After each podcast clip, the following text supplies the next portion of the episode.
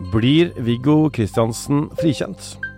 Når kommer gjennombruddet i Lørenskog-saken? Og blir det en konklusjon om hvem som er drapsmannen til Birgitte Tengs? Jeg heter Tor Erling Tømt Ruud, og dette er Krimpodden i VG.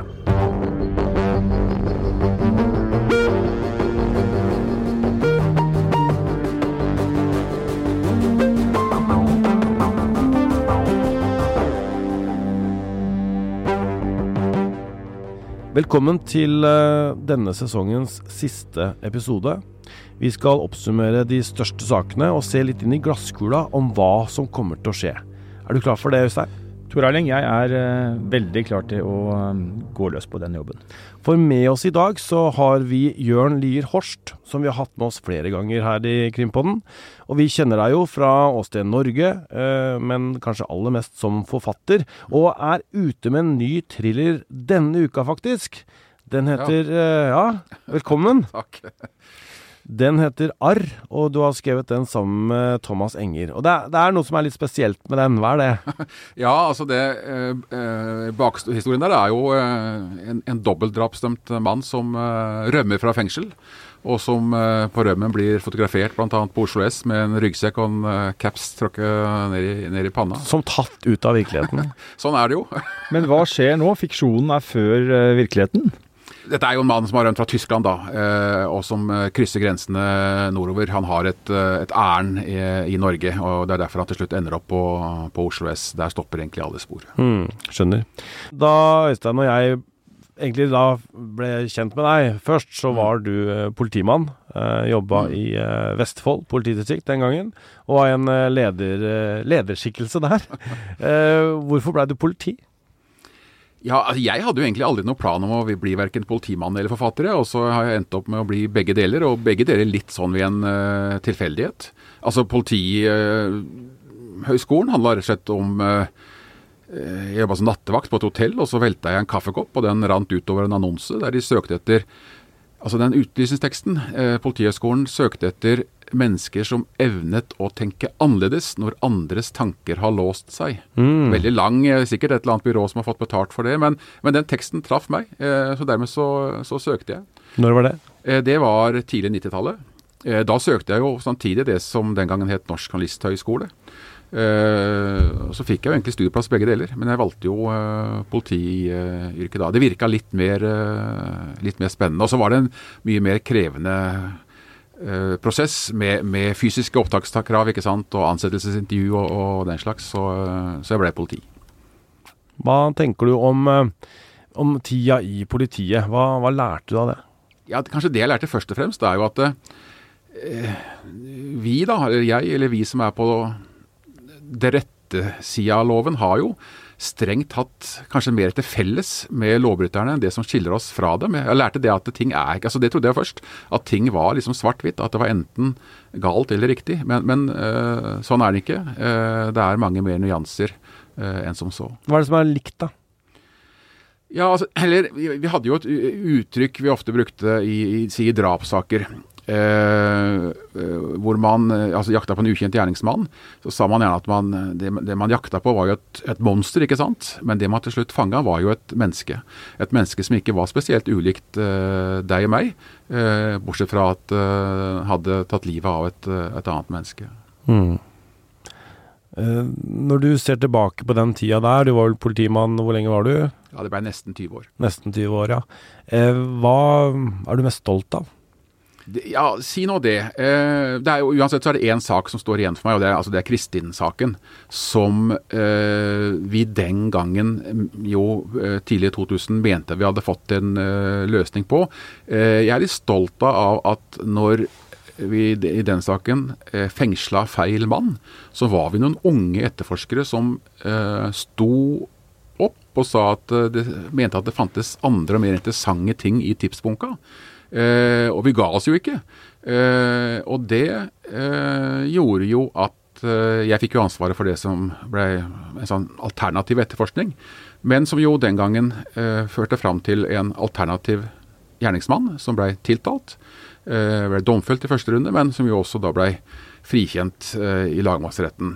Men som det da gikk også 15 år før man fant nye DNA-bevis og, og blei tiltalt på nytt. Så det at, det, det at jeg på en måte sto opp for det jeg trodde på eh, i den saken, og andre saker også, eh, ja, det er jeg stolt av. Det passer jo fint, for vi skal jo nå snakke om noen saker som uh, kjennetegnes av at det både har vært uh, andre løsninger og andre mm fasit, eh, fasiter på, på, dem, og også saker hvor eh, det har vært hypoteser som politiet har endra underveis. Så det er jo på en måte litt sånn anslaget da, for ja. Eh, det vi skal snakke ja. om, så det passer jo veldig fint.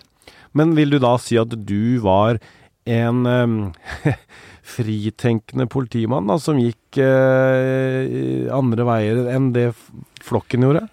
Ja, jeg var jo på teppet til politimesteren et par ganger, uh, kanskje på grunn, nettopp på grunn uh, av det.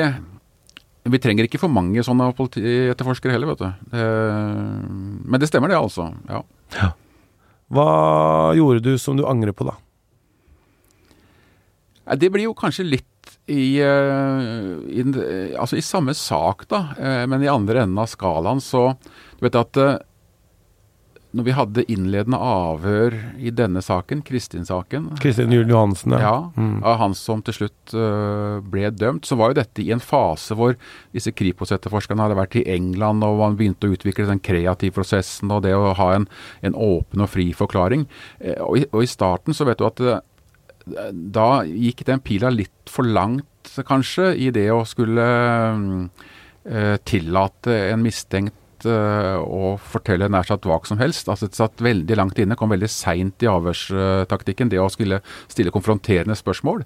Uh, så det er jo mulig at uh, han som gikk fri i 15 år, kunne kunne hatt uh, vikla seg inn i en eller annen løgn. Uh, at det, hans forklaring kunne blitt annerledes hvis ikke hvis, ikke, hvis vi hadde hatt en annen uh, tilnærming da, på, på, de innledende avhørene. Mm. Men han var jo Eh, ja, det kan jo hende, men samtidig så er det sånn at han, han nekta jo Jeg dekka jo den rettssaken når den til slutt kom opp da med et DNA-bevis liksom som bærebjelken mm. uh, i, i, bevisbunken. Og så var det andre uh, taktiske bevis, ikke sant, som mm. jo jeg tenkte over litt på samme måten som du sier nå, at det fantes jo muligheter for å ja, i hvert fall tenke tanken at man hadde bevis nok til å kunne gå i retten med med denne mopeden som var veldig spesiell, og som var sett på åstedet, og hans litt modus og bakgrunn, hva vitnet fortalte han hadde vært eh, holdt på med i forkant når det gjaldt uh, utagerende atferd og mm. sånn, i, nære, nære relasjoner.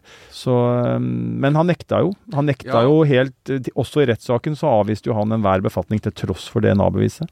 Men du vet, det er jo sånn at jo lenger du holder på en løgn, jo vanskeligere er det jo også å skulle gå tilbake og, og innrømme noe.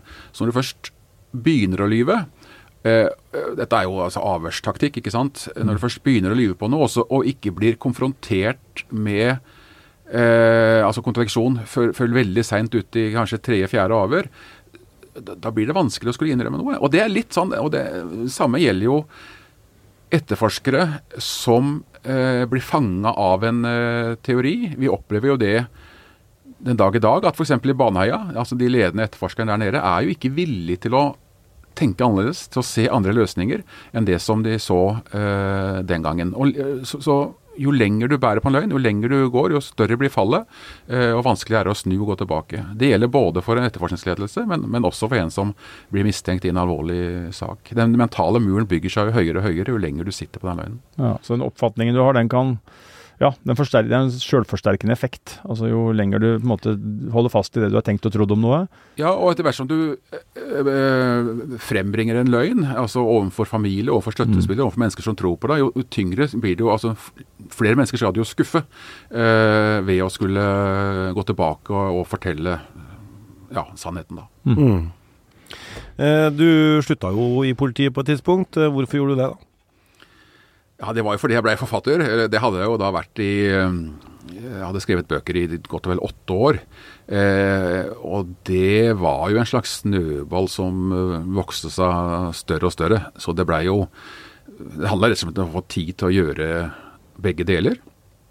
Og, og eh, så blei det jo litt vanskelig òg med Altså Jeg hadde jo da to forskjellige, to på en måte offentlige roller. Det ene var i forfatterrollen, og det andre var etterforskerrollen. Og det blei jo Ikke at det blei motstrid, men det blei jo eh, merk... Eller det, det å skulle være drapsetterforsker på dagtid, og så samtidig eh, skrive underholdningslitteratur eh, om det samme eh, på, på kveldstid, eh, var to hatter som ble vanskelig å mm. forene. Mm. Nå er det et vanskelig spørsmål som kommer nå, men eh, hvor mange bøker har du utgitt? Ja, det er heldig fordi at eh, jeg har akkurat telt opp. så med den som kommer denne uka, så er det blitt 66 bøker. Ja, riktig. Det er ikke verst, altså. Det er like mange bøker som det er i Bibelen. For. Ja, ja, riktig. riktig. Uten sammenligning for øvrig. Ja, ja, riktig. Og så er vel ikke du ferdig, tenker jeg. ikke sant. Det kommer noen flere. Ja, Det kommer mange barnebøker òg, og de er jo tynne. Ja. Så da blir det mange bøker. Men nå er du også ekspert i Åsted Norge. Eh, du holder deg oppdatert på saker. Du bruker også politikompetansen din. Eh, hvordan gjør du det? Ja, det er jeg veldig glad for å bli invitert eh, med hos Norge. For det, jeg føler at det er litt på innsida igjen, ikke sant. Eh, og det er kanskje det jeg savner med politiyrket. Det å være eh, med ja, bak sperrebåndene på innsida. ikke bare lese overskriftene, men vite litt hva som foregår på innsida. Og i også Norge så er det jo en redaksjon som er opptatt av det samme som meg. og altså kriminalitet, oppklaring av forbrytelser det er jo strengt tatt den eneste ordentlige utdannelsen eh, jeg har. Eh, det er det jeg kan, holdt jeg på å si. Eller jeg pleide å være, være, god til det også. Så det å få være med og diskutere aktuelle saker eh, på TV 2 hver mandag, det har vært givende for min del. Og litt av og til i Krimpodden, da. Litt av og til i Krimpodden. Mm. det er vi glad for.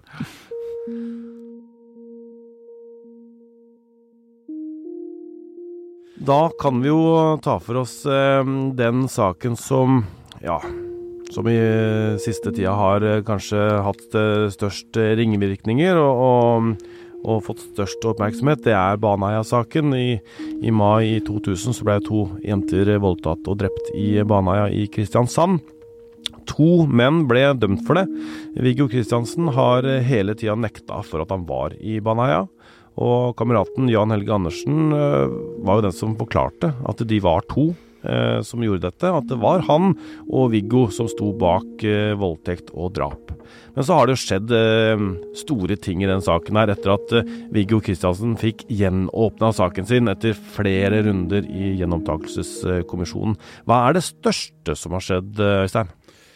Nei, det er jo først og fremst DNA-treff på Jan Helge Andersen. Flere treff som ehm, Og på begge jentene, som jo um, setter um, store, store spørsmålstegn uh, ved hans uh, rolle, og som jo taler retning for med tyngde at han har uh, en annen rolle enn det han forteller og har fortalt, som igjen får direkte innvirkning på hans forklaring, hans troverdighet. Nå skal det sies at det ble stilt noen spørsmål rundt den allerede da saken gikk for retten, men det er jo mye, mye større grunn til å være svært, svært skeptisk og kritisk til den forklaringa hans i dag, når man ser hva den nye etterforskningen heldigvis har eh, frembrakt. Og heldigvis at denne saken ble gjenåpna, eh, sånn at man da fikk eh, gjort den grundige etterforskninga som Oslo-politiet nå holder på med. Det er noe alle bør være glad for.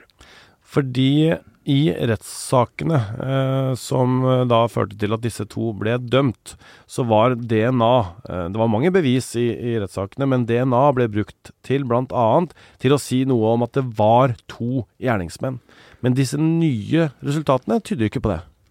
Nei, og det er jo noe av det interessante. For det er som du sier at man har jo holdt på med denne C25-prøven som det har vært strid om uh, hele veien, og som det har vært ulike resultater på, men som jo ble en slags uh, sånn uh, anførselstegn, bevis på at det kunne vært to gjerningsmenn. fordi at en analyse eh, viste at den kunne tilhøre 54,6% av norske menn. Altså det, var spor i den prøven, men som ikke kunne være Jan Helge Andersen. Og da slutta man at da, hvis det var to på åstedet, så mente man at Viggo Kristiansen var en naturlig kandidat eh, sammen med Jan Helge Andersen. Eh, men så har jo denne, etter dommen uh, over opp i 2000-tallet, så har det blitt gjort mange vurderinger av den. Og det har dukka opp uh, at det har vært fire treff, og, det har vært forskjellige ting som har gjort at den Lang historie kort, den har blitt svekka gang etter gang etter gang, og kommisjonen fastslo vel at den var nøytralisert. Og så har det jo nå kommet treff på Jan Helge Andersen i den prøven. Og det er oppsiktsvekkende, for det var jo noe man aldri har fått før. Og det var jo noe av kronargumentet for at dette kunne være et tegn på en gjerningsmann nummer to. Men nå ser jo det fullstendig smadra ut uh, i den forstand, men er altså da i stedet et bevis, nok et bevis mot Jan Helge Andersen. Så det er jo en veldig dramatisk uh, vending i, i, det, i, den situasjonen der. Da har man altså gamle DNA-prøver som man uh, kjører gjennom ny teknologi akkurat det, skjedde, det, samme som skjedde i Kristin Juel Johannessen-saken som du nevnte, Jørn. Mm. Eh, hva tenker du om at dette også kommer i denne saken? Ja, det er jo helt naturlig. Eh, I dag så kan man jo altså eh, sånn rettsgenetisk så kan man jo gjøre mye mer med langt mindre materiale. Så at man får nye DNA-svar var jo venta, men at de skulle gå i den retning som vi har sett, var vel kanskje ikke forberedt på. Vi ser jo at uh, dette har skjedd mye i uh, USA og også andre land, men nå har det vært flere saker i Norge hvor ny teknologi løser uh, gamle saker som vi trodde var løst. Ja, og det Jeg la, la, meg jo aldri egentlig slutte å bli overraska over hva man kan hente ut på disse her laboratoriene. og det er litt spennende for framtiden hva som egentlig hva man Altså, ingen så jo dette for seg for 25 eller 30 år siden. Eh, og hvis vi skal prøve å se 25 eller 30 år fram i tid, hva kan man da finne av eh, bevis? Eh, kan det være sånn at hvis Og dette vet vi at det forskes på borte i USA bl.a. Altså luft, luftmolekyler.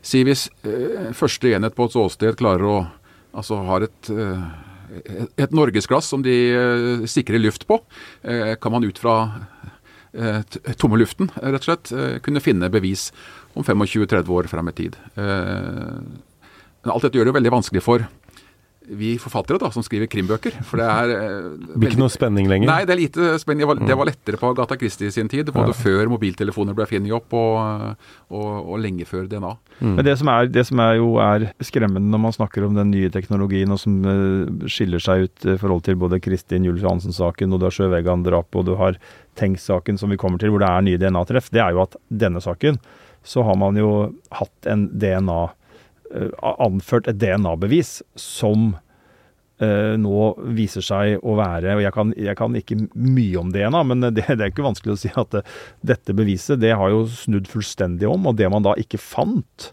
mm. og brukte da Fordi man ikke fant Jan Helge Andersen i denne DNA-beviset i i, eh, tilbake i, da saken gikk for retten, så brukte man det jo da mot Viggo Kristiansen fordi at man fant noe man mente ikke kunne stemme, stemme, stamme fra Jan Helge Andersen. Og så finner man i dag likevel Jan Helge Andersen i den prøven. Mm. Det er jo skremmende.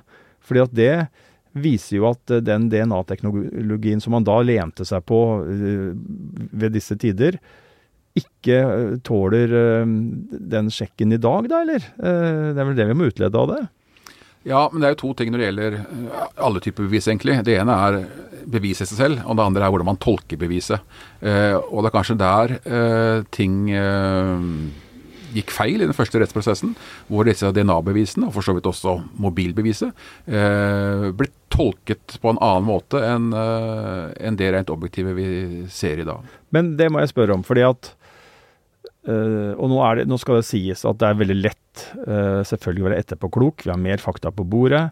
Uh, ingen av oss som sitter her var i saken den gang da, som en del av de som var der, bruker som et argument for, for, hvorfor de både mente det de mente da og mener det de mener i dag. Men, men vi sitter nå her og, og, går gjennom denne saken. Og det, det som jo man kan stusse på, og da gjentar jeg at det er selvfølgelig lett å, lettere å si det i dag, kanskje, da, men man har jo dette, man har jo dette mobilbeviset, for å kalle det det, som jo viser at mobilen til Viggo Kristiansen er knytta opp. I enkel, Enkelt fortalt så er den knytta opp på en basestasjon jevnlig eh, i det kritiske tidsrommet, på en basestasjon som ikke dekker åstedet.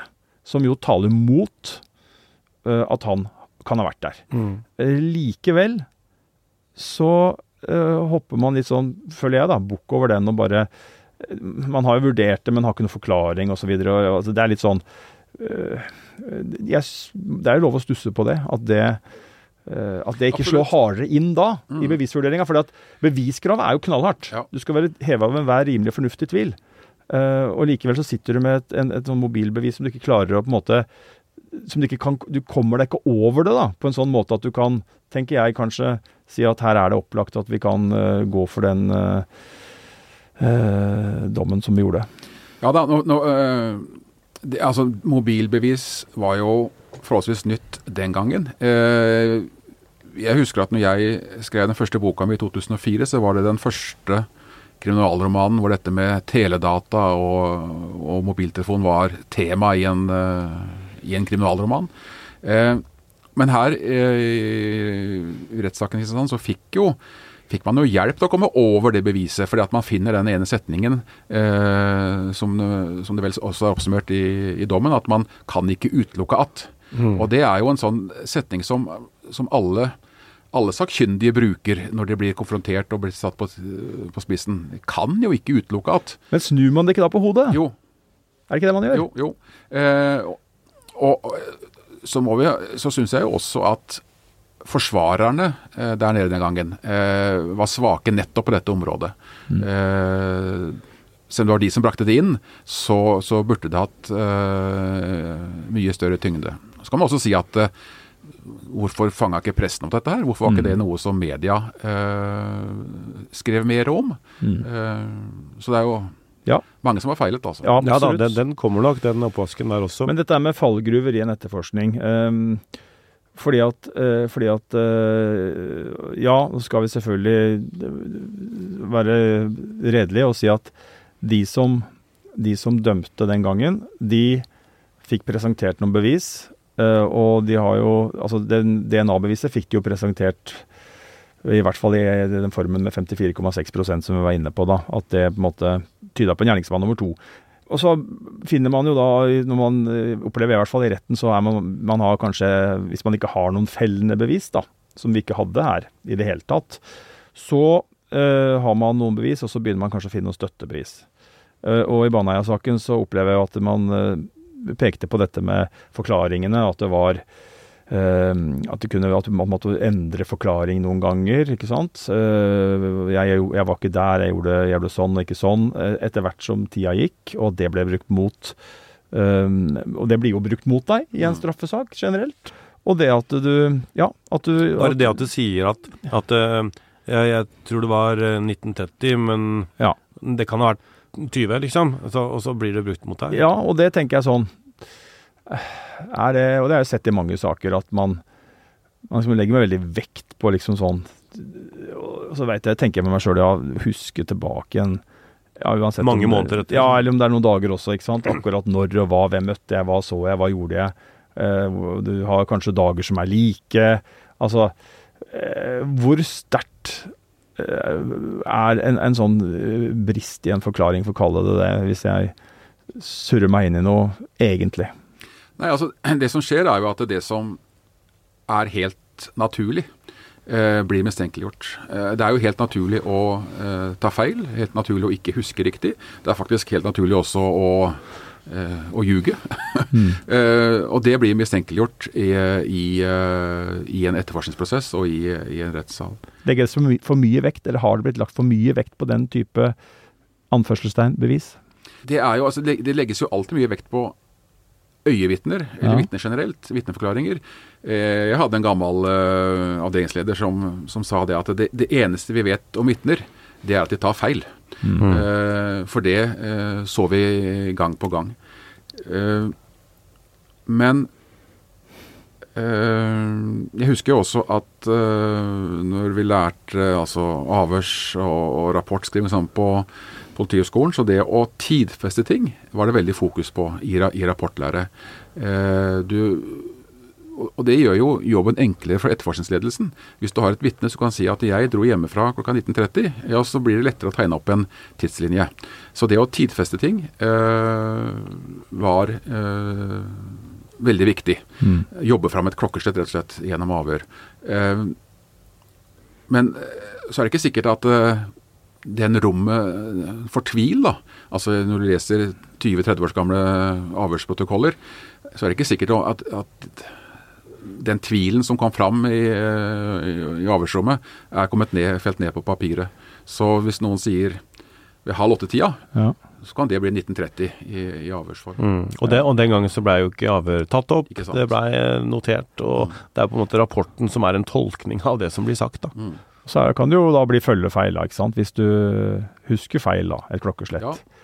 Og så blir det nedfelt i en politirapport, og så begynner man å jobbe ut fra at Øystein Mille sier at han gikk fra butikken klokka 19.10. Mm. Og så gikk jeg ikke der fra 19.10, men kanskje ja, noen minutter før, hvis det har en betydning. Og så kan jo det få en følgefeil da i, i tidslinja videre, som jo ja, kan få fatale konsekvenser. da. Så har man jo fått det på de åra som har gått, siden Baneheia iallfall, så har man jo fått uh, langt flere elektroniske spor som er med på å uh, bygge opp under en sånn tidslinje. Så det du, det, det du angir av klokkeslett, det kan jo gjerne kontrolleres mot ja, mm. når du har brukt et betalingsmiddel, når du sendte en tekstmelding, når du brukte telefonen din. Men hvis det blir sånn nå at det går mot en frifinnelse av Viggo Kristiansen, så har man jo da brukt forklaringen til Jan Helge Andersen som, eh, som en stor del av beviset her. Eh, og det han har sagt, eh, kan man jo si har vært å lure politiet. Hvordan kan politiet bli lurt? Jeg holdt på å si det er jo skrevet bøker om, denne saken. Men, men, langt på vei så eh, Altså kanskje heller et selvbedrag, altså. Fordi at dette la jo politiet opp til, eh, til sjøl. Første avhør av eh, Jan Helge Andersen, dette er dokumentert, protokollert. Mm. Vi vet at eh, avhøreren jo inviterte Jan Helge. Altså, du var vel ikke aleine om dette her? Uh, kan du ha vært offer, du også? Ja, ikke Eller, sant. Ja. Mm. Eh, så kanskje mer et selvbedrag enn at politiet har blitt, blitt lurt. Men hvordan er det på å si, mulig da, når man altså Det narrativet som han har skapt, Jan Helge Andersen, er jo at han har vært en sånn underdanig eh, etterdilter. At Viggo Kristiansen var den sterke og styrende. Um, og at Jan Helge Andersen hadde veldig eh, begrensa med mentale ressurser. Ergo så eh, Ja, oppsummert så var det Det var ikke mulig. Um, og så har man jo klart eh, og Så klarer man da likevel å bli, eh, hvis dette nå blir sånn som det ser ut, så ta det forbeholdet. Vi må si hvis, for at Jan Helge Andersen holder jo fast på sin forklaring. Ja da, og det gjenstår jo litt etterforskning, Vi skal ta de forbeholdene og være ryddige på det. Men, men sånn som det ser ut nå, så, så, så går jo dette én vei. Um, og det er jo interessant å liksom spørre seg hvordan kan man liksom et norsk politikorps med ekspertise og uh, ja, det ene med det andre, selv den gangen da. Eh, Kripos var tungt inne med mm. taktiske etterforskere som hadde vært i tunge saker. Man har, eh, hvis man har blitt lurt eh, eh av en forklaring som viser seg ikke stemme, eh, hvordan, hvordan, kan det da skje, ut fra at man da, sånn som man fremstiller Jan Helge Andersen? Ja, eh, det er jeg sikker på at politiet også vil søke å finne svar på. Så her vil det komme en, en gransking. Det, det er det det er det nødt til. Eh, men det som jo helt fra starten av er, det, det du sier om, eh, om eh, Viggo som den store, sterke, stygge og, den slags, det er jo en del av det bildet som politiet i Agder har konstruert helt fra starten av, som i dag viser seg ikke stemme med virkeligheten. Det er når politiet sitter på en pressekonferanse og prosederer og slår fast at her har de DNA-bevis som knytter begge gjerningsmennene mm. til, til åstedet og til handlingen. Mm. Og det er jo feil. Det er feil. Eh, og var feil, og, var, ja. og er feil. Mm. Men også er det jo dukka opp ting som jo er av den største interesse nå. Det er jo og det er jo også Man stiller seg jo store spørsmålstegn ved, og det er jo at man har eh, informasjon nå om at Jan Helge Andersen ble kobla til et eh, overgrep før Baneheia-saken. Uh, og da faller liksom enda mer av det bildet som politiet har forsøkt å etablere, sånn som jeg opplever det, både av Andersen Eh, som den sånn eh, stakkarslig eh, som ikke hadde eget initiativ. Og Viggo Kristiansen som den styrende. Da faller det, syns jeg, veldig sammen, da. Du må legge til der at den saken ble også henlagt? Den ble henlagt, men det er vel sånn at den som var fornærmet, fikk voldsoffererstatning. Og, og, og, da, har det jo en, da er det jo en sannsynlighet for at dette har skjedd. Og, og, så var det noe med at det var vel strafferettslig lavalder og under den også. Men, men, men, og det er riktig. Men det, men det, som er poenget med det i Baneheia-saken, er at det er informasjon som er veldig relevant, og skulle vært på bordet. Ja, eh, og det, det, de gjør i oversendelsen til politiet i Oslo, er jo tvert imot. De opplyser om at det finnes ingen opplysninger om at Jan, Andersen skal ha begått noen form for seksuelle overgrep. Og så har jo Agder Eh, statsadvokatembeter eh, sagt at det har man ikke visst, og det burde, og det man, burde man få vite. Eh, kommisjonsleder Siv Hallgren har vært ute og sagt at kommisjonen burde visst dette her. Jeg hørte jo at uh, statsadvokaten satt her uh, i studio og sa at det var det var ikke heller enkelt å finne disse opplysningene. Nei. Fordi den saken var eh, skjerma i politiets systemer. Så, så, det var ikke lett tilgjengelig. Så noen har jo det kan jo se ut som at noen har gjort noe for å prøve å skjule nettopp denne detaljen. da. Men det igjen, det må bli en del av, av granskningen. Altså, men, men, det, men, ja, du mener det helt klart at denne saken den må granskes grundig når vi eh, får en konklusjon på en etterfor etterforskningen, og man eh, får en konklusjon på straffesaken eh, mot Viggo Kristiansen? Ja, og det går jo an. altså Mange snakker jo om, eh, forskutterer jo også hva hva eh, Viggo Kristiansen skal få i erstatning mm. hvis så skjer, at han blir, uh, finnet, altså han blir frikjent eller funnet uh, uskyldig. Mm. Uh, det er jo en parallell her til Fritz Moen-saken, som, som, jo ble funnet uskyldig. Han fikk vel 20 millioner etter sin, etter sin død.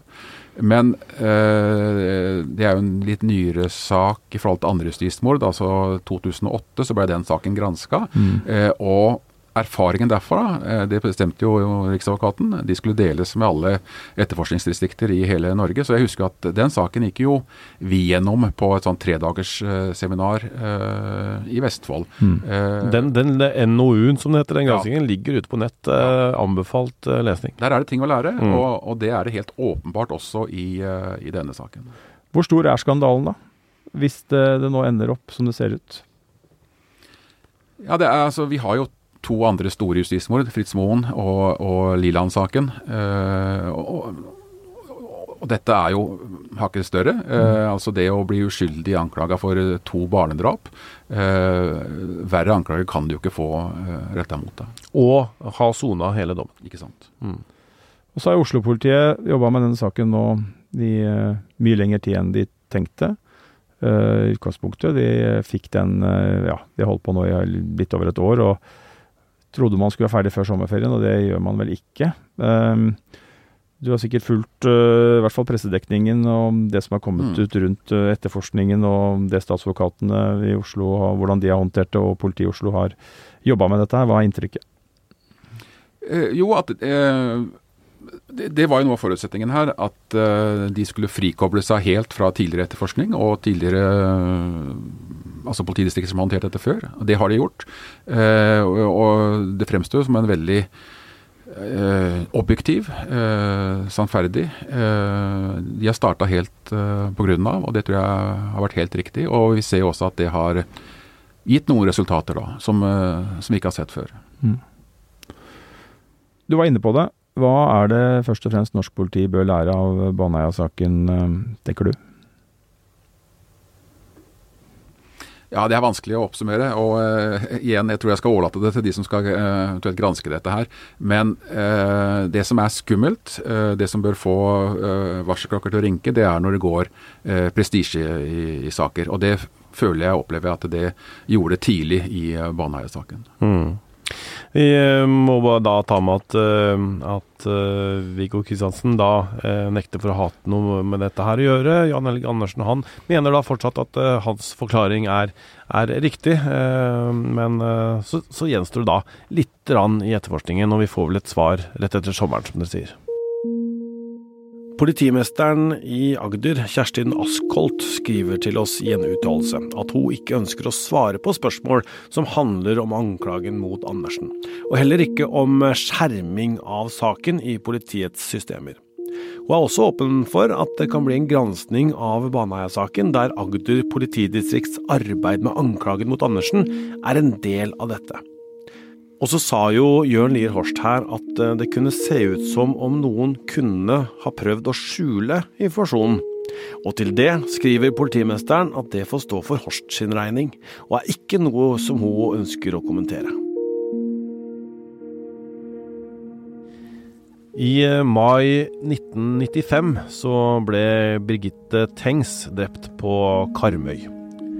Og den saken har også blussa virkelig opp igjen, eh, etter at en mann i fjor høst blei sikta for drapet etter så mange år. Der også slo det inn nye DNA-resultater.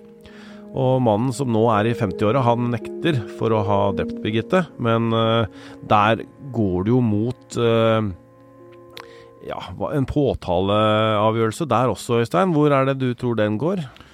Nei, hvis man skal spå noe der, så det jo, ligger det i kortet at det blir en tiltale. Det er jo forhåndsberamma rettssak i oktober. Uh, og um, man har jo fått retten med på å varetektsfengsle denne mannen etter straffeprosessloven 172, som krever at det skal være bevis med særlig styrke. Uh, altså Nå er ikke formuleringa helt presis, sikkert, men den, uh, for folkelig vis, da. Det skal være tunge bevis mot deg før du blir fengsla etter den bestemmelsen. Og det har jo både eller ja, Det har vel vært flere fengslinger på, på det grunnlaget, og han sitter jo varetektsfengsla i hvert fall, på det grunnlaget. Og Det sier jo noe om at retten Eh, så langt mener at bevisene er sterke. Politiet mener det samme. og Når man da forhåndsspør om en rettssak, så skal mye Det skal dukke opp noe nytt, tror jeg, hvis Riksadvokaten ikke tiltaler denne mannen. Mm. Eh, som vi husker, så blei jo fetteren til Birgitte Tengs eh, dømt i tingretten, men frikjent i lagmannsretten, men da dømt til erstatning. Det liksom det, dette har vi snakka om eh, mange ganger. Eh, men denne saken lå jo da eh, uløst eh, lenge, og, og, jeg lagde jo Uløst eh, i 2015 hvor, hvor vi snakka om dette. Bjørn Olav Jahr skrev den boka som på en måte kanskje har beveget denne saken mest. Og så en TV-serie. Ja, og Cold Case.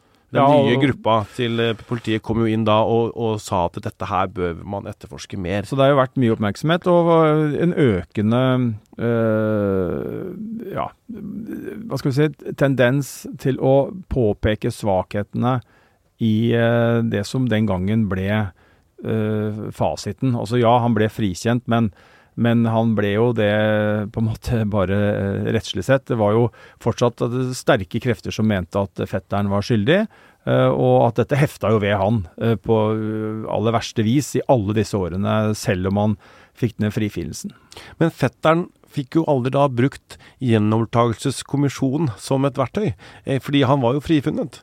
Um, og han har prøvd å få denne erstatningsdommen uh, mot seg uh, borte, men, men det, har, det, skjedde som ikke noe i saken før disse tingene kom, da, og da særlig i boka. Hva tenker du om det, Jørn? At det er på en måte da en forfatter og, og kanskje oppmerksomhet rundt i, i media som på en måte da flytter sakene?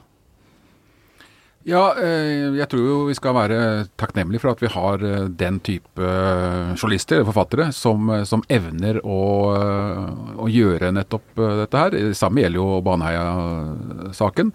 Uten boka i, i bunnen der, så er det ikke sikkert vi hadde sittet der vi sitter i dag. Men så er det jo politiet som nærmest som et tegn i tiden oppretter denne cold case-gruppa da. Og det er jo der Eh, på en måte mulighetene for eh, fremdrift eh, i saken manifesterer seg. Så det er jo, det er jo politiet som av eget tiltak setter i gang ny etterforskning i Birgitte-saken. Hva syns du om den cold case-gruppa?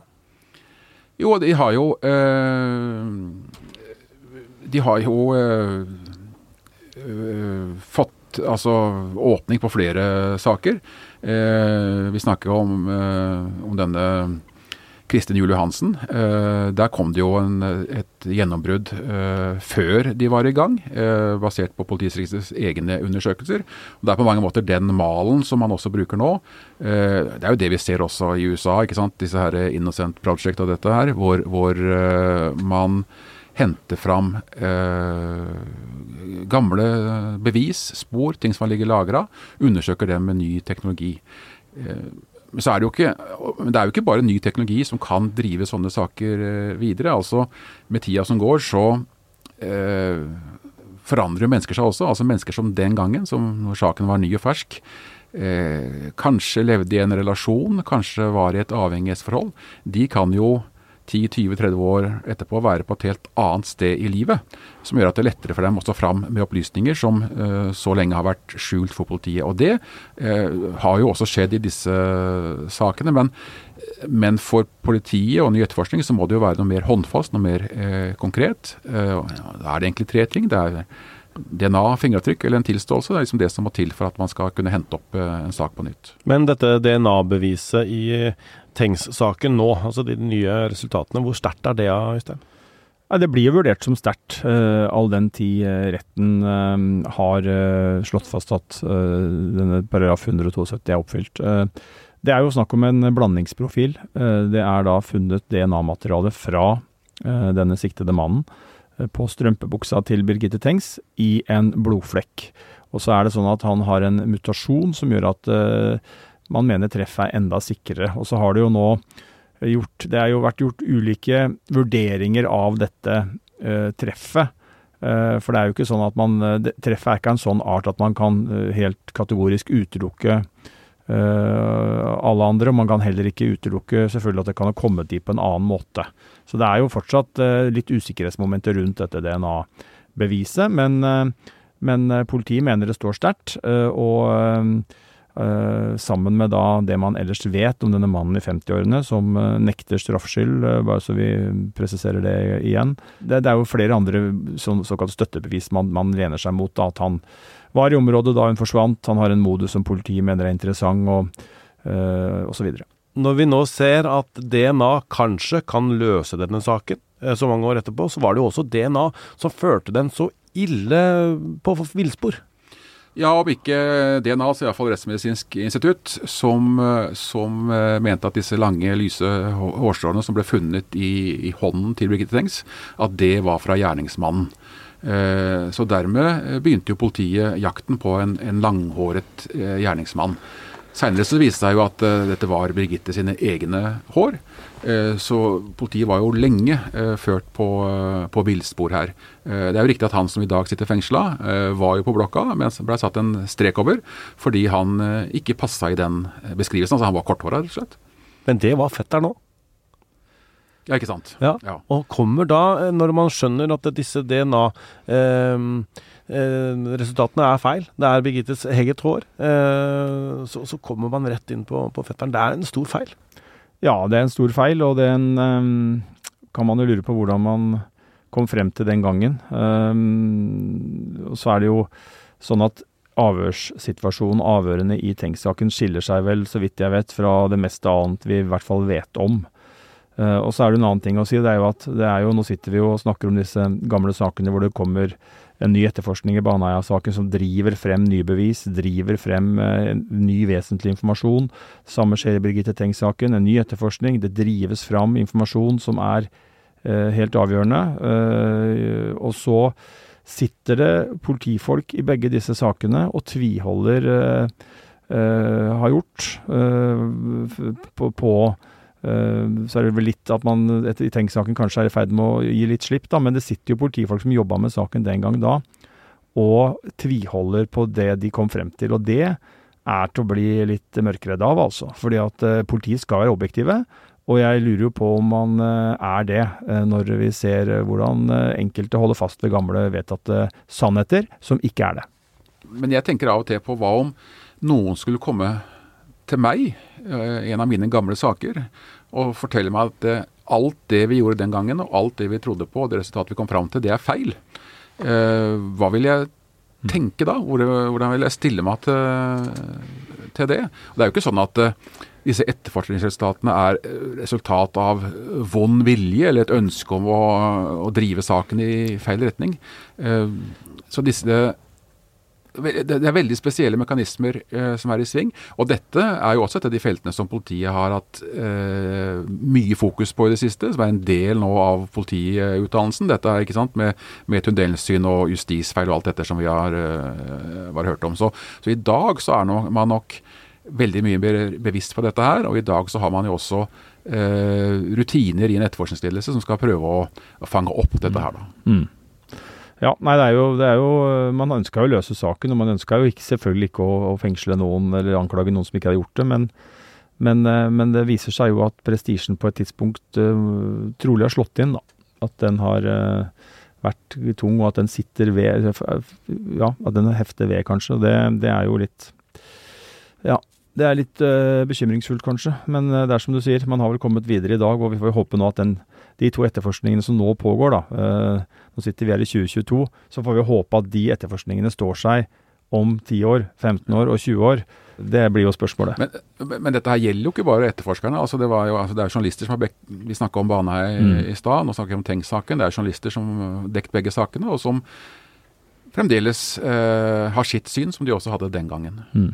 Etterforskningen i Tengs-saken har jo også ført til at eh, denne mannen er mistenkt i drapet på Tina Jørgensen, som var noen år eh, etter. Og, og den saken har du jobba mye med nå, Jørn, for du driver og lager en dokumentarserie om Tina-saken?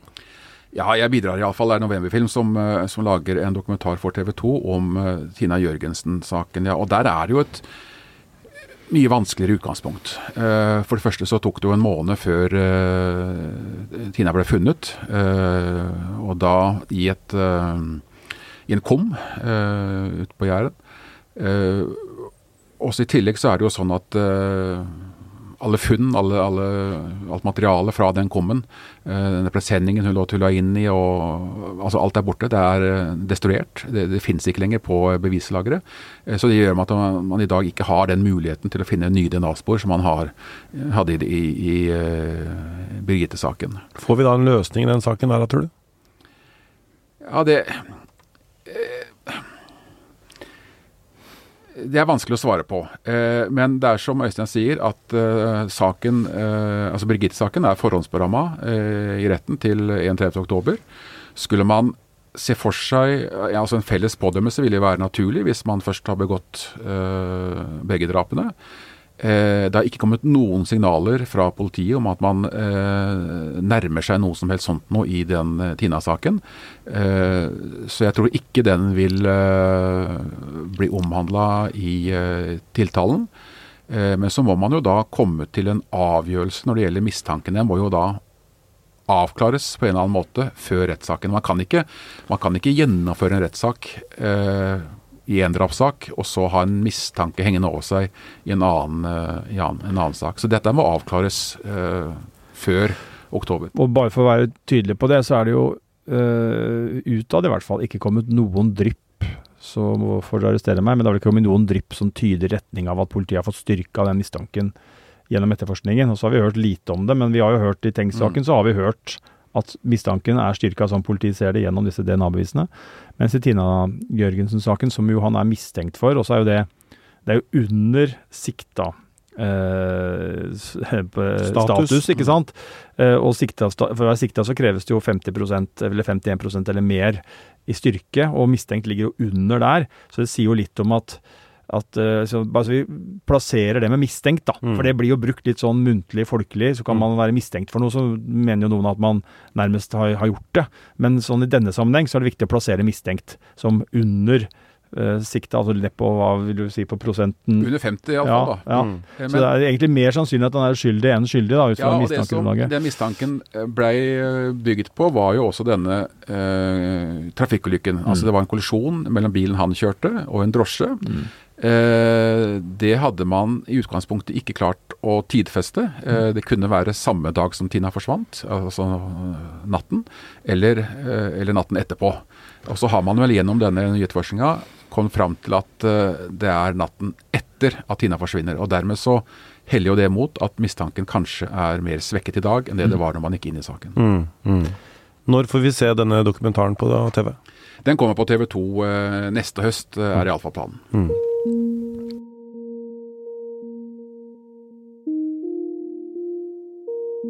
Til høsten så er det også fire år siden Anne Elisabeth Hagen forsvant fra Lørenskog. Eh, og i denne sesongen av Krimpodden så har vi snakka mye om eh, kryptosporet, som, eh, som, jo har fått en del oppmerksomhet i den saken. Fordi vi kjenner jo til dette kryptosporet. Det var jo løsepenger som skulle betales i kryptovaluta. Ektemannen til Anne-Elisabeth, Tom Hagen, er sikta i saken, men har hele veien nekta for å ha noe med konas forsvinning eller drap å gjøre. Hvor står den saken nå eller til høsten, Øystein? Nei, status er at den etterforskes uh, for fullt, uh, så vidt vi vet. At det er store ressurser. Og så har vi jo sett nå i vår at politiet har kommet med noen uh, nye ting. Uh, Bl.a. dette kontantkortsporet. og også delt med offentligheten hva man vet om knytt, knytta til printing og, og, den biten. Så um, det, er, det er interessant. Da tror du det skjer noe der, da?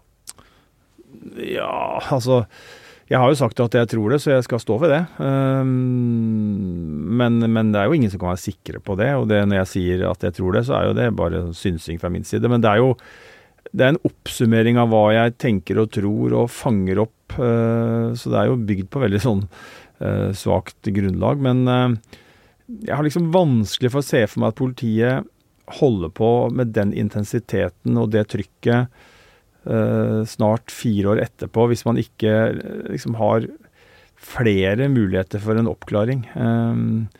Da er det så mange oppgaver som roper på politiressurser at hvis man ikke hadde liksom Det er greit at man har noe å jobbe med, det har man jo alltid. Man kan alltid jobbe videre med noe, det er alltid mulig å gjøre noe i en sak.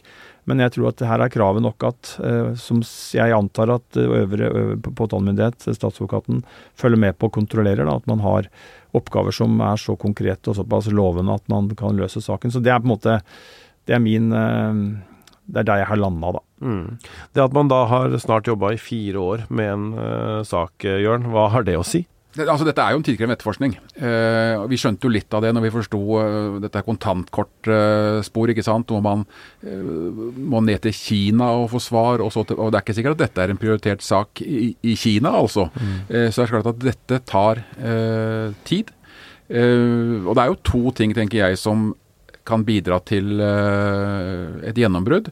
Uh, det ene er jo kryptosporet. Uh, det andre er jo et, et likfunn, altså. Uh, og jeg er jo blant de som hver gang det meldes i en eller annen avis om at det er funnet en død kvinne her eller en død person der, så ja, kan det være denne saken. Mm. fordi både stedet hun eventuelt blir funnet på og omstendighetene rundt det, kan jo si mye om hvem som står bak. Men nå begynner jo tida også å renne ut for det, da. Så det er ikke det vil være lite, Hvis man i hele tatt skal gjøre et funn, så vil det antagelig være lite eh, tekniske spor eh, å hente.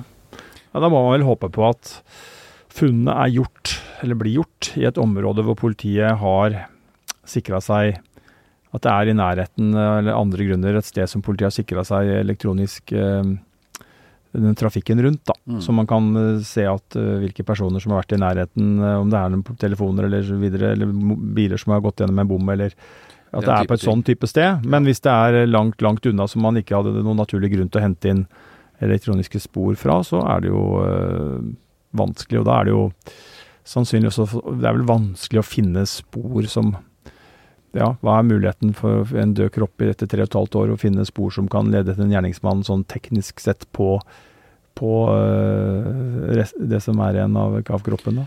Nei, det, det, kommer jo helt an på stedet og omstendighetene. Altså det har jo kommet tips sikkert her til dere også. Jeg har fått tips om at du er murt ned et sted, eller et kjellergulv mm. eller betongsøyle og den slags. Så det er klart at et, et sånt funnsted vil jo noen spor kunne være eh, intakt. Mm. Eh, hvis den har ligget eh, på bunnen av Oslofjorden i fire år, så er det jo eh, langt verre. Mm.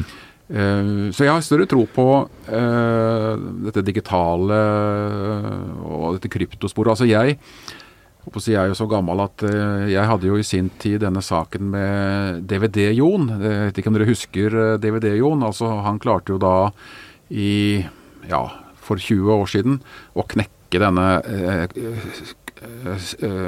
regionssperra mm. på DVD-maskinene. Altså man kjøpte kjøpte DVD-er som bare kunne spilles i noen maskiner. Ja, sånn var det jo. Som var ja. til Norge eller Europa, da. Ja. Du ja. kunne ikke spille eh, europeiske DVD-plater i eh, USA f.eks., og, og motsatt. Og det var en sånn kopisperre, eller sånn sperre som liksom var umulig å løse. Og så klarte jo han det, da. Eh, og man sa jo også dette om uh, dette kryptokoden og dette her, at uh, det er bombesikkert. Umulig å komme forbi den krypteringa. Tyder jo ting på da at man iallfall har kommet noen eh, hakket videre. Og i andre enden av det kryptosporet, altså der ligger jo løsninga. Mm. Ja, så tror jeg man jobber Men, med å se ting som skjer rundt. Altså ja. man har hendelser. Og dette blir jo på kryptosporet som det blir i det virkelige liv. Altså Har man en hendelse et sted, så ser man på okay, hvilke personer har bevega seg rundt dette området. Mm. Hva har skjedd i forkant, etterkant? Hvilke biler kan vi se, hvilken folk kan vi se? Ikke sant? Og Det tror jeg er samme på, på nettet. da, At man ser at det har skjedd en hendelse. Uh, og så ser man liksom hva har skjedd ellers rundt her i forkant, og kan vi sette ting i en sammenheng. Det er og det er jo tidkrevende og, og, veldig eh, Men potensielt kanskje mulig å løse saken, i hvert fall komme nærmere et, et svar der. Um, ja. Nei, så sier jo, Det er tidkrevende, som du sier, og drar en hel masse ressurser. Men så er jo denne saken på mange måter også blitt et slags tidsbilde. Altså, kriminaliteten har jo blitt uh, digital. Mm. Har, altså, det er ingen som raner verditransporter lenger, eller, eller uh, kjører inn i, og, og sprenger minibanker. Uh, kriminaliteten har flytta seg over på, på, internett. Så Sånn sett så all den etterforskninga som er lagt ned nå, har jo vært voldsomt kompetansehevende da, for hele det norske politikorpset. Ja, man lager metoder, utvikler metoder, og ja. sånn sett så kan du si at ressursbruken Eh, kan forsvares eh, selv om eh, muligens, hvis man skulle være i en situasjon at man ser at muligheten for å løse saken er ikke så stor, så vil det like, gjerne likevel så kunne det være verdifullt å investere ressurser i å på en måte si at her har vi en case som vi uansett kommer til å kunne trekke nytte av i både 10 og 20 og 30 og 40 og 50 og 100 saker fremover. Men, ja, så det er, jo, det er, jo, Norge nå andre land henvender seg til de, hvis de står overfor lignende øh, saker, bl.a. ved bruk av kryptobetaling.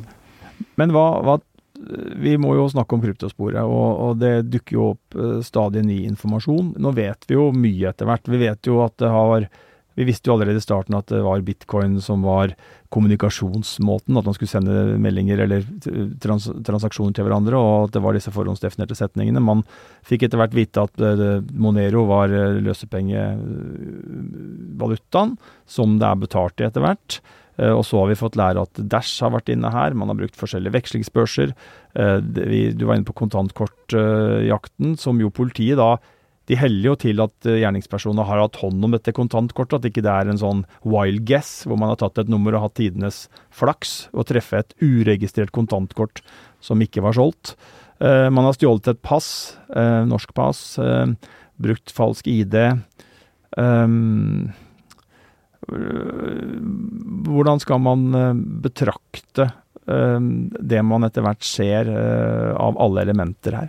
Altså må huske at Det vi eh, får et glimt av, det vi ser, det som politiet forteller oss, det er litt sånn som å se inn gjennom et, et uh, nøkkelhull. ikke sant? Eh, på innsida er det et stort rom, men vi ser bare akkurat det som øyet vårt fanger opp uh, gjennom det nøkkelhullet. Så, så, politiet sitter forhåpentligvis og antageligvis på mye mer enn det uh, vi refererer til her. men det det tegner seg et bilde av, er jo noe som er at det er en kriminell kompetanse her. At det er nøye planlagt. og og alt dette her rimer jo også med eh, det Altså Den innledende etterforskningen retta seg mot kjente norske kriminelle miljøer.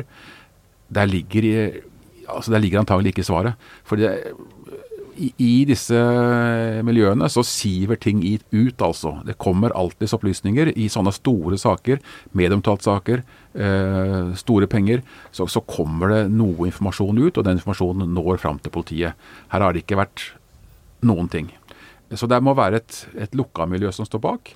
Eh, og jeg, jeg syns jo også at politiet i den seinere kommunikasjonen med eh, media, at det har vært en slags dreining. Man må huske at det, eh, her sitter Tom Hagen og er eh, sikta for eh, drap eller medvirkende drap eh, på sin kone. Mm. Forsøkt varetektsfengsla. Men jeg syns at eh, det kommuniseres eh, litt tydeligere utad at eh, de har to hovedhypoteser.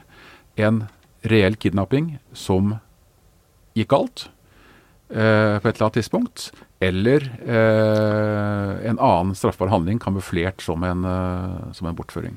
Så er det jo sånn at mye av de etterforskningsskrittene det gjør, de er jo hypoteseuavhengige. Det vil jo si at om du leder fram til at det er et drap eller en eh, kidnapping som gikk galt, så vil jo all den jobben de gjør med kontantkortet f.eks., er jo helt lik. Mm. Det handler om å finne ut av hvem som har fått hånd om det, hvordan det er brukt og når det skjedde osv. Og, og så vil han jo kanskje etter hvert til slutt da, finne ut av hva som, hva som var eh, motivet og hva som egentlig var det som faktisk skjedde her. Men, men, men, jeg, men jeg, har jo snakka litt om og er opptatt av det om dagen og vil gjerne ha din vurdering av, av følgende. fordi at Uh, man ser jo alle disse ingrediensene, og man ser jo at det er brukt sånn og sånn og sånn. Og så kan man sitte etterpå og si at ja, det der var ikke så ikke? Det var ikke så lurt. Man kunne heller gjort det sånn. Man kunne heller gjort det sånn. Uh, se der, det der kunne jo også vært gjort annerledes. Uh, men jeg tenker jo at det kan man alltid gjøre. og man, Jeg har brukt en, et eksempel i en helt annen sak, en helt annen sammenheng her før, nemlig nemlig Nokas-ranet, som var en nøye planlagt handling, hvor man hadde holdt på lenge og henta inn biler og folk, og man hadde vel nærmest sånn at ikke folk visste om hverandre. og altså Det var jo en sånn kjempeplanlagt greie, og så setter man i gang, og så er det noe som går feil. Øh, viser det seg etter hvert, i hvert fall. Um, her så har det jo, til tross for at noen sitter kanskje og tenker at det, det er ikke så proft, eller det kunne vi ha gjort sånn eller sånn, så sitter vi tre og et halvt år etterpå, og det er ikke begått feil til nå i hvert fall, som er kjent, som har gjort at en gjerningsperson har blitt sikta. Uh, eller eh, det er jo sikta for så vidt en som kalles for kryptomannen, da, men man har ikke, man har ikke et gjennombrudd i kryptosporet. Man har ikke et gjennombrudd i saken. Hva sier det deg? Ja, Det syns jeg er en interessant betraktning. og det er jo, eh, og man kan, man kan jo planlegge og ta høyde for eh, veldig mye, men aldri for det uforutsette, som i Noka-saken. Denne ruta som jo skulle være enkel å knekke, men som viste seg å være eh, skuddsikker. Så det eh, Jeg kaller flaksen, da, har jo kanskje her vært på gjerningspersonenes eh, side, framfor sånn som det ofte er på politiets side. Husk at mange av altså de, de, fleste saker som blir løst altså Man kan planlegge det perfekte forbrytelse, og så blir det jo ikke perfekt fordi at Eh, man gjør en eller annen feil som, eh, som, eh, politiet, som blir til politiets fordel. Så mange av gjennombruddene i mange av de store sakene her i landet kommer jo som følge av at noen har trådt feil, altså iallfall de sakene som er nøye planlagt. Men det er jo her jeg tenker at denne saken er så unik, fordi at vi står jo overfor to, eh, to en todelt kriminell handling. Mm. Det ene er jo selve voldshandlingen. Ingen per i dag, ingen spor etter en gjerningsmann som er med tyngde altså det, Ja, vi har to som er sikta. Tom Hagen, som var inne på, og denne såkalte kryptomannen. Uh, jeg sier såkalte fordi at det betyr ikke at han er kryptomann, men han har blitt han ble kalt kryptomann fordi at han har drevet med kryptokompetanse og kom i kontakt med Tom Hagen. Disse to ble sikta for over to år siden. Uh, og etterpå så har vi, ikke, har vi ikke hørt noe særlig om mistankegrunnlaget mot dem. Men, men, det som er faktum, da. Vi har en voldshandling og en krypto, et kryptorigg og per i dag så er det ikke noen eh, Det er ikke i nærheten eh, av en etterforskning som er avslutta. Man har ikke trukket noen konklusjoner, og det er ingen som er tiltalt. Man har ikke fått noe gjennombrudd. Eh, og, det tenker jeg sånn er, er, det, Hvor unikt er det? At man da tilsynelatende ikke har gjort disse feilene som hadde gjort, ført oss vi var mye nærmere, eller kanskje hadde allerede fått en løsning? Det er vanskelig å si hvor unikt det er, i og med at dette jo i utgangspunktet er en unik sak eh, som vi ikke har sett eh, noe eh, lignende til. Og så vet du heller ikke altså I ettertid så kan vi jo kanskje si at eh, ja, det var dumt å kjøpe de, eh, de skoa på, eh, Sparkjøp. På sparkjøp. Mm. Eller, eller, det var dumt å være innom Biltema og handle der. Det kan jo bli avgjørende spor når det kommer til, til stykket. Men så langt så har det vært en veldig seig og lang etterforskning, altså. Mm. Og så har dere begge to troa på at hvis man knekker eh, kryptosporet, så, så, er man nærmere løsning, og kanskje finner løsningen. Men eh, vil det dermed si at man også finner Anne-Elisabeth?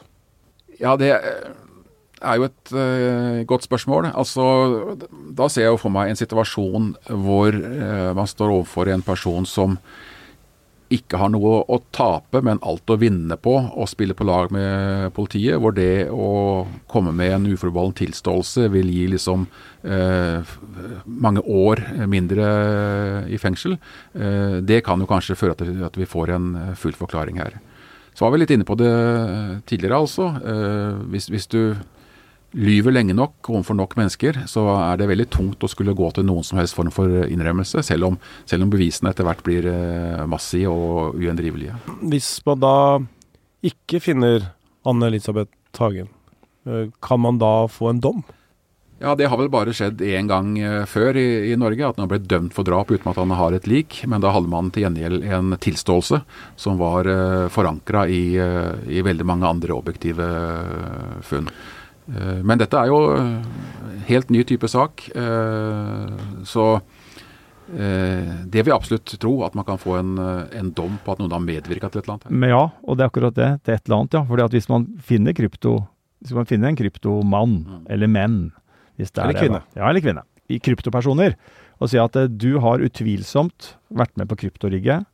Og uh, sånn sett så står det, du, Er du med på en straffbar handling mot Anne Lisbeth Hagen, så vil det fortsatt kunne være et spørsmål om var det, var det forsøk en bortføring eh, som gikk galt, eller var det, var det, drap? ikke sant? Så det er jo det er noen uh, krevende ting her. Helt riktig. For, og selv om man skulle få svar på hvem som står bak kryptorigget, så kan jo ansvaret for selve voldshandlingen publiseres mm. eh, veldig i mm. forhold til det. Så vi snakker jo ikke om de store strafferammene i så fall. Hva visste du? ikke sant? Mm. Hva tenkte du, og hva har du faktisk gjort? Ja. Så det der er men, men, altså, politiet sitter jo nå på Ja, eh, snart eh, går det inn i det femte året, faktisk. da. Hva tenker du eh, fra, fra, din erfaring? Hva er status? Hva, hva, gjør de? Hva tenker de på? Hvordan holder de motivasjonen oppe inne på etterforskningsteamet nå? Vanskelig å svare på, for vi vet jo lite om hva som foregår uh, egentlig. Men, men uh, skal vi tro dem, så er de jo veldig motivert for fortsatt uh, jobbing. Og det er mange mennesker som fremdeles har dette som sitt daglige virke. Kan hende det blir litt tyngre å komme i gang igjen når de har hatt fire uker sommerferie. Men sånn som vi hører iallfall, så er det fremdeles optimisme i denne etterforskningsgruppa. Hvor lenge kan de holde på? Ja, det er det jo ikke Ja, så lenge som du, du, sa noe i stad om at det alltid er noen nye, nye, ting man kan finne på å etterforske. Mm. Det kommer jo et tidspunkt hvor, hvor, man må måle verdien av mm. nye etterforskningsskritt uh, opp mot uh, hvordan man kan dytte saken videre. Man er ikke der ennå, men uh, Men tenker du at de har At de må ha ganske potente ting å jobbe med når det er såpass trøkk fortsatt, eller tenker du at det behøver det ikke være.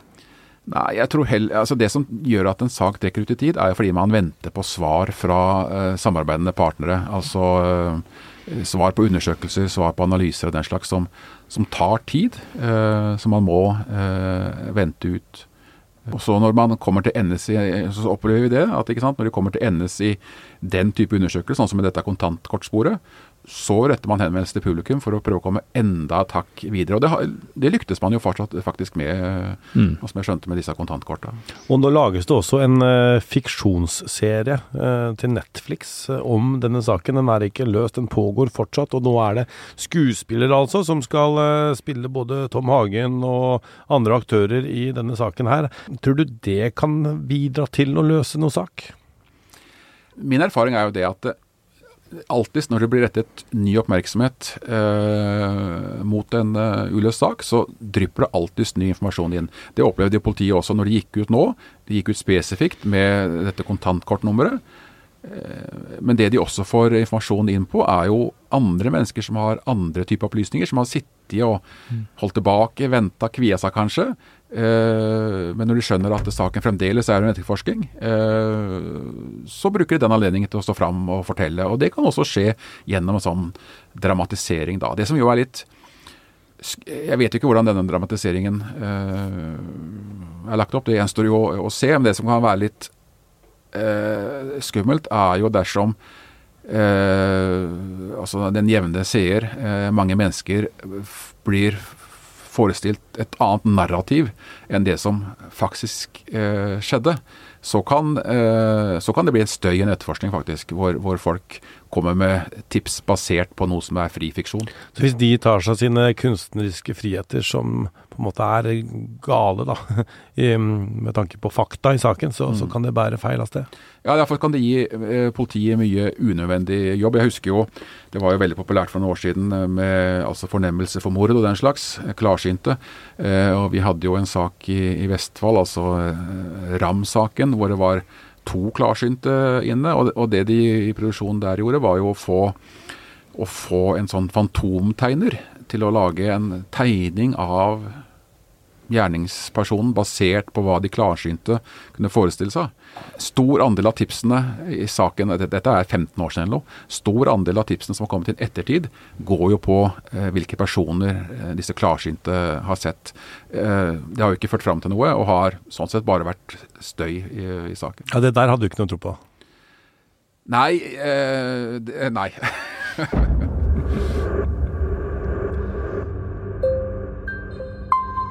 Ja, tusen takk eh, Jørn Lier Horst for at du kom til eh, Krimpoddens siste episode av eh, denne sesongen.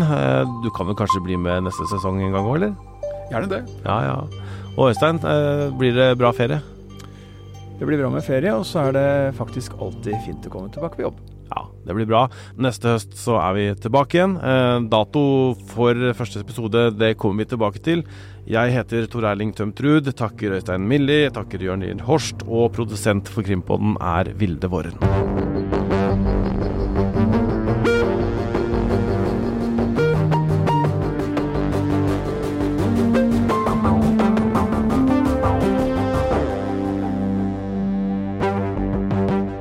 Du har hørt en podkast fra VG. Ansvarlig redaktør, Gard Steiro.